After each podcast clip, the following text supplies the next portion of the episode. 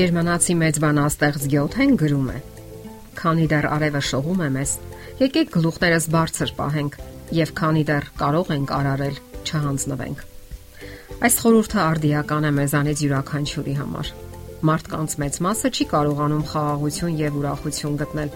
եւ հաճախ որոնումների արդյունքը միայն հիասթափությունն է։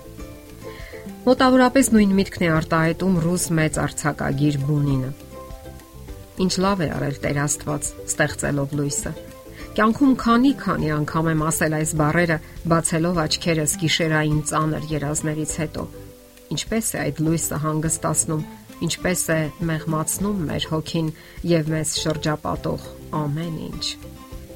Յուրաքանչյուր մարդ պետք է կարողանա վայելել պահի գեղեցկությունը։ Լավատես լինի, երբ շուրջը անձրև է ու մառախուղ։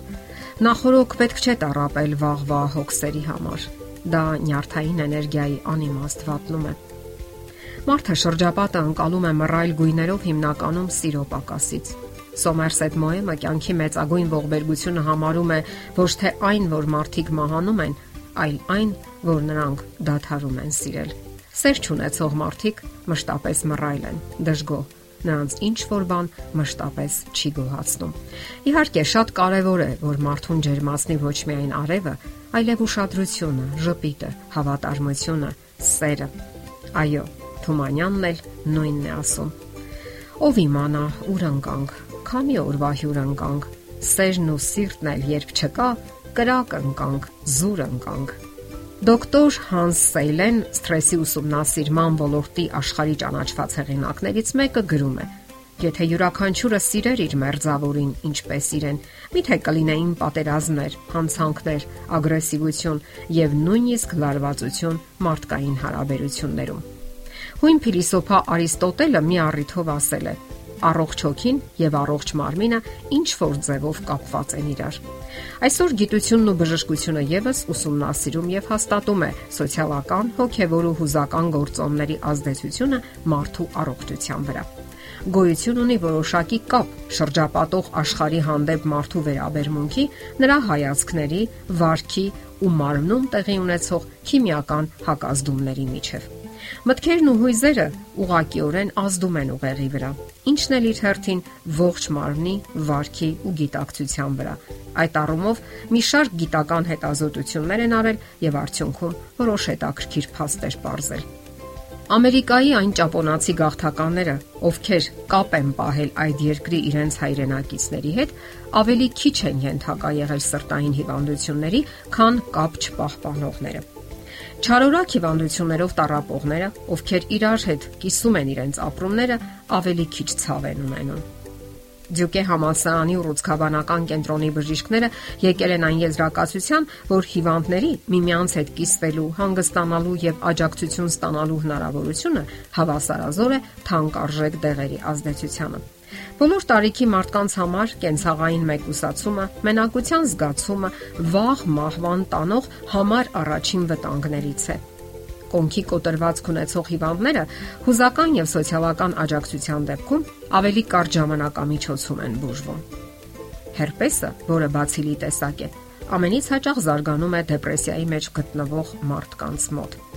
Պարզվում է, որ աշխույժ միտքը եւ լավ տրամադրությունը կրծքագեղձի քաղցկեղով հիվանդների կյանքի երկարատևության գրավականն է։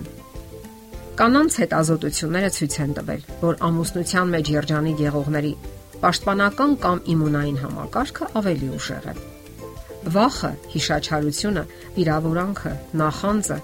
իմունային համակարգի զինվոր բջիջների ոչնչացման համար առաջին պատճառն են։ Պատկերացնում եք Բալթիմորում 600 պետական ծառայողներից գրիպով հաճախակի հիվանդանում էին նրանք, ովքեր չէին ղեկավարվում բարոյական խիստ սկզբունքներով, նաև նրանք, ովքեր դժգոհ էին իրենց աշխատանքից։ Հնում բժիշկները հաճախ էին խոսում այն մասին, որ մարդիկ իրենք են իրենց համար ընտրում հիվանդություններ, եւ բժշկության, որպես գիտության զարգացման հետ մեկտեղ ավելի ու ավելի հաստատվեց այդ ճշմարտությունը։ Նեյրոֆիզիոլոգները գտնում են, որ ժամանակակից մարդը ընդունակ է օգտագործել իր ուղեղի ընդամենը 5%-ը։ Եվ այդ բավականին բարդ գործիքը կարելի է օգտագործել ոչ միայն հրաշալի մտքեր ծնելու, այլև հիվանդությունների ստեղծման համար։ Մարդու ամենամեծ բարեկամն ու ամենամեծ թշնամին իր երևակայությունն է։ Հաճախ են երկրորդ համաշխարհային պատերազմի մասնակիցները հիշում, որ պատերազմի ժամանակ նրանք մոռանում էին, այսպես ասած, քաղաքացիական հիվանդության մասին։ Նրանք մտածում էին միայն հաղթանակի մասին։ Մի տղամարդ, երբ կնոջ մահից հետո մենակ մնաց փոքր դստեր հետ, երբեք չէր հիվանդանում։ Նա այսպես էր ասում. Ես ժամանակ չունեմ հիվանդանալու։ Ես պետք է մեծացնեմ ու կրթեմ դստերս։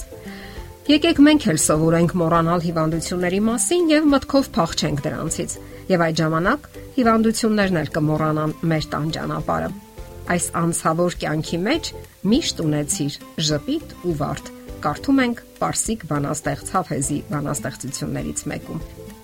Իսկ մեր Թումանյանը այսպես է ասում. Խաղաղ անցիր, ուրախ անցիր երկու օրվան այս ճամփետ։ Եթերում է առողջ ապրելակերպ հաղորդաշարը։ Ձեզ հետ է Գեղեցիկ Մարտիրոսյանը։ Հարցերի եւ առաջարկությունների դեպքում զանգահարեք 094 08 2093 հեռախոսահամարով։ Հետևեք մեզ hopmedia.am հասցեով։